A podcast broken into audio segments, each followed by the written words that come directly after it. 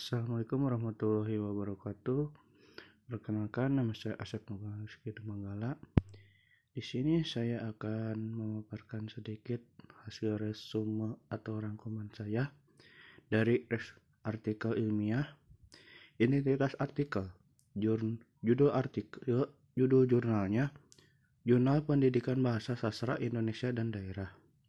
Judul artikelnya, Analisis Kesalahan Berbahasa Bidang Morfologi pada Mas Mading di Universitas Muhammadiyah Surakarta, tahun 2012.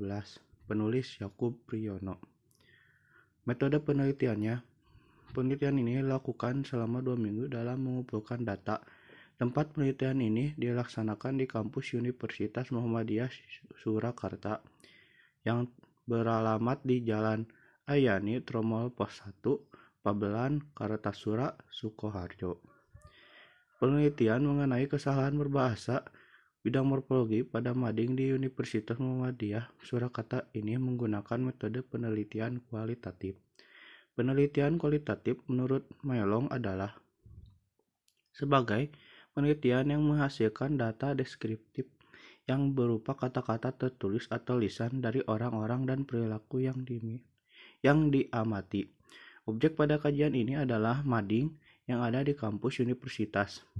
Dalam mengalami ke, mengalami kesalahan berbahasa bidang morfologi dalam penulisannya, sedangkan data dalam penelitian ini adalah kesalahan berbahasa bidang morfologi serta pemilihan kata yang tepat, diksi, pada mading yang terdapat di kampus. Teknik pengumpulan data yang digunakan dalam penelitian ini adalah sebagai berikut. Yang pertama, Teknik observasi. Menurut Muhammad Ali, 1987, observasi adalah penelitian yang dilakukan dengan cara mengadakan pengamatan terhadap objek baik secara langsung maupun tidak langsung. Karena dengan pengamatan memungkinkan gejala-gejala penelitian dapat diamati secara langsung atau dari de dekat. Yang kedua, teknik dokumentasi. Dalam penelitian ini, peneliti menggunakan beberapa dokumentasi di antaranya menggunakan foto dan catatan-catatan kecil. Catatan-catatan kecil tersebut peneliti gunakan untuk mencatat lokasi atau tempat di mana mading ini berasal. Yang ketiga, teknik simak catat.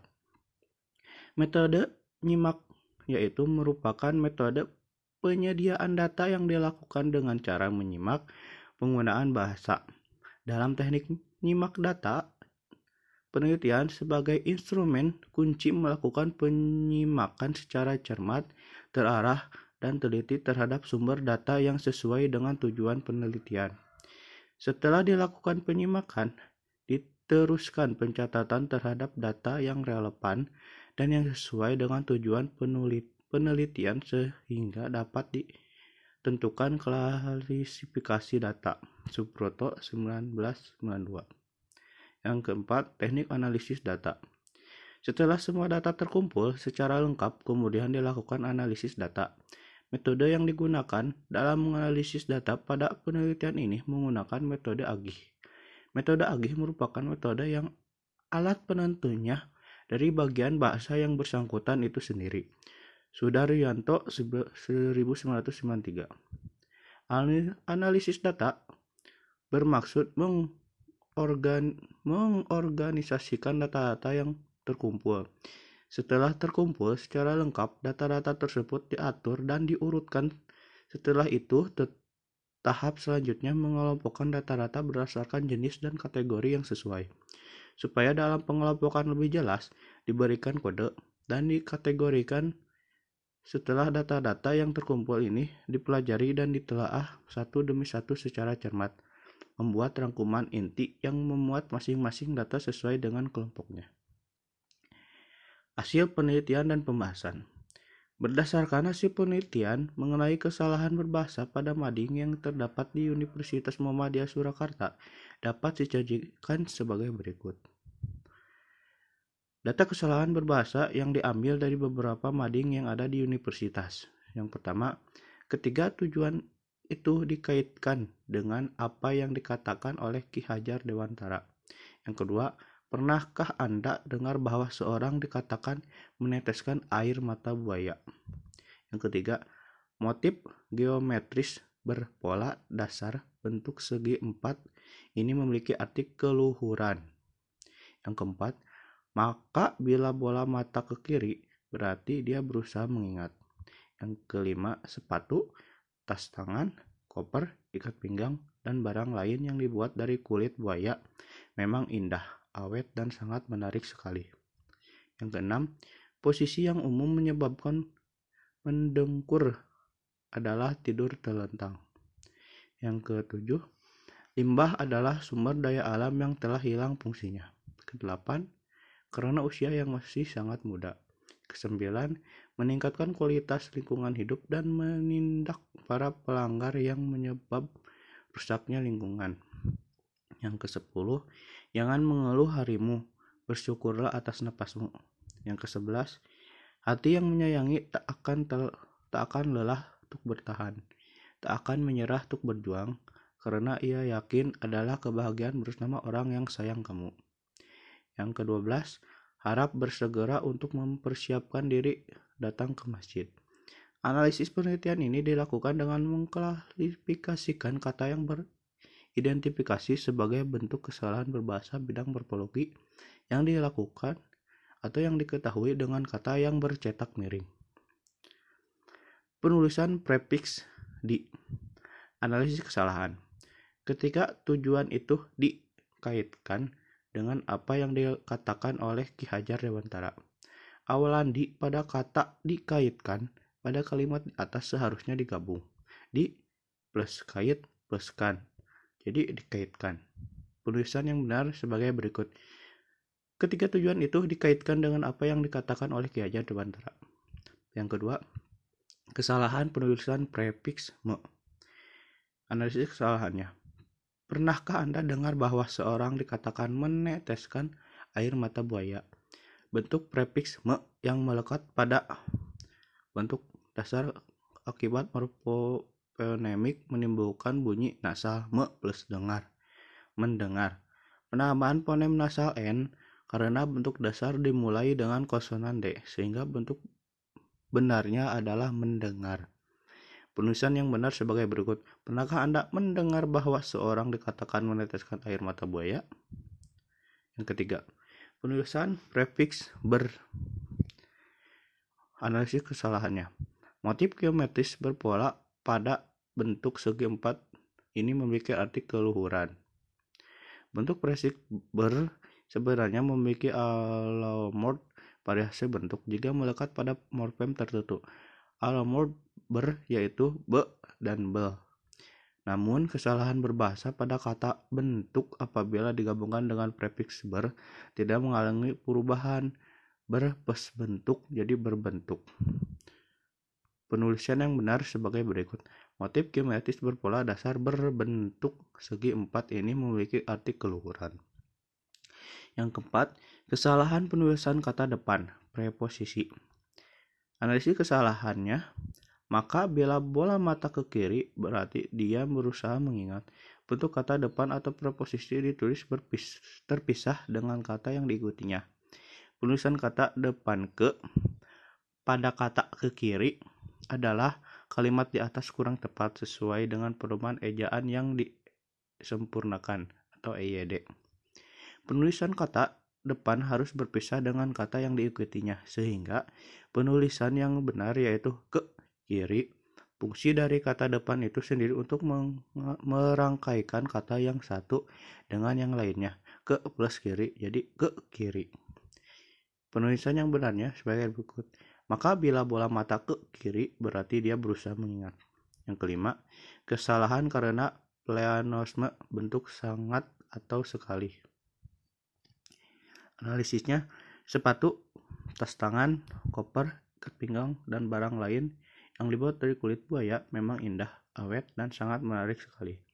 Penulisan kata-kata yang lebih seperti kata sangat dan sekali kurang tepat karena hal itu merupakan bentuk kemubajiran karena makna dari kedua kata tersebut sama yaitu paling dalam suatu perbandingan.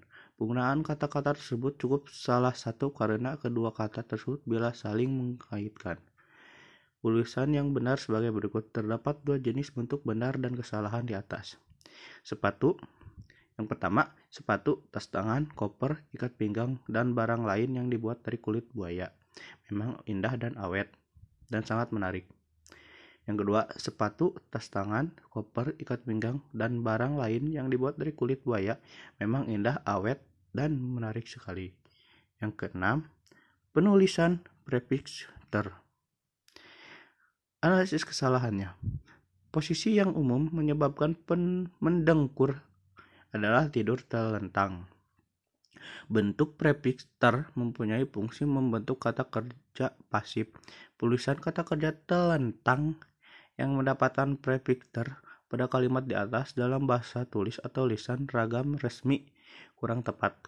Kata tersebut yang benar yaitu terlentang karena ponem pada awal kata dasar bukan R, maka alomorf ter tidak berubah ter plus lentang jadi terlentang. Penulisan yang benar sebagai berikut.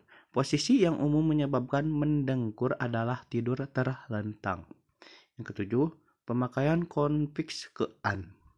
Analisis kesalahan limbah adalah sumber daya al daya alam yang telah hilang fungsinya. Bentuk konfiskean melekat bersama-sama dengan bentuk dasarnya. Konfiskean langsung membentuk kata baru ketika melekat pada bentuk dasarnya. Konfiskean sangat melekat pada kata dasar hilang tidak bisa an atau ke terlebih dahulu ke an plus hilang. Kehilangan bukan hilang plus an atau ke plus hilang. Penulisan yang benar sebagai berikut. Limbah adalah sumber daya alam yang telah kehilangan fungsinya. Kedelapan, pemakaian supiknya. Analisis kesalahan karena usia yang masih sangat muda, bentuk supiknya menempel pada bagian belakang berbentuk dasarnya. Bentuk dasar usia dari kalimat di atas merupakan kesalahan berbahasa Kata tersebut apabila mendapatkan sufiksnya berubah menjadi su usianya. Usia plusnya. Usianya. Penulisan yang benar sebagai berikut karena usianya yang sangat masih muda. 9. Penulisan simulfix mekan. Analisis kesalahannya. Meningkatkan kualitas lingkungan hidup dan menindak para pelanggar yang menyebab rusaknya lingkungan. Bentuk kata dasar yang berponem awalan P, S, K, atau T dituliskan dulu ketika mendapatkan awalan me. Seperti kesalahan berbahasa pada kata penyebab bentuk kata dasar sebab yang berponem awal S. Apabila mendapat awalan me, akan menimbulkan nasal. Me plus kan plus sebab menyebabkan.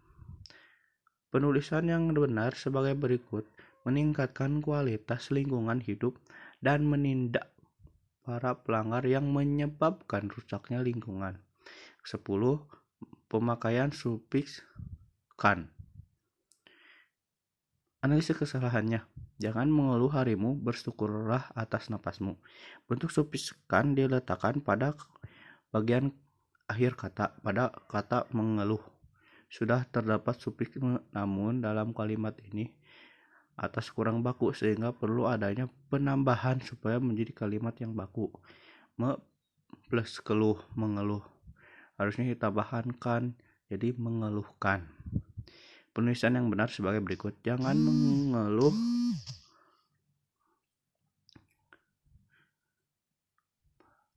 Jangan mengeluhkan harimu, bersyukurlah atas tapasmu pemakaian gabungan prefiks me dan sufiks i. Analisis kesalahannya. Hati yang menyayangi tak akan lelah untuk bertahan, tak akan menyerah untuk berjuang, karena ia yakin adanya kebahagiaan bersama orang yang sayang kamu. Bentuk kata dasar yang berponem awalan PS, K, atau T dituliskan dulu ketika mendapatkan awalan me, seperti pada bentuk kata dasar sayang yang berponem awal S. Apabila mendapatkan awalan me, akan menimbulkan nasal. Me bersayang jadi menyayang. Menyayang plus i, menyayangi. Penulisan yang benar tersebut hati yang menyayangi tak akan lelah untuk bertahan. tak akan menyerah untuk berjuang karena ia yakin adanya kebahagiaan bersama orang yang menyayangi kamu. Yang terakhir, penulisan gabungan prefix di dengan suffix kan. Analisis kesalahannya. Harap bersegera untuk mempersiapkan diri datang ke masjid. Bentuk imbuhan awalan di tidak mempunyai variasi bentuk. Peristiwa mengafikan dengan menggunakan prefix di tidak menimbulkan almob.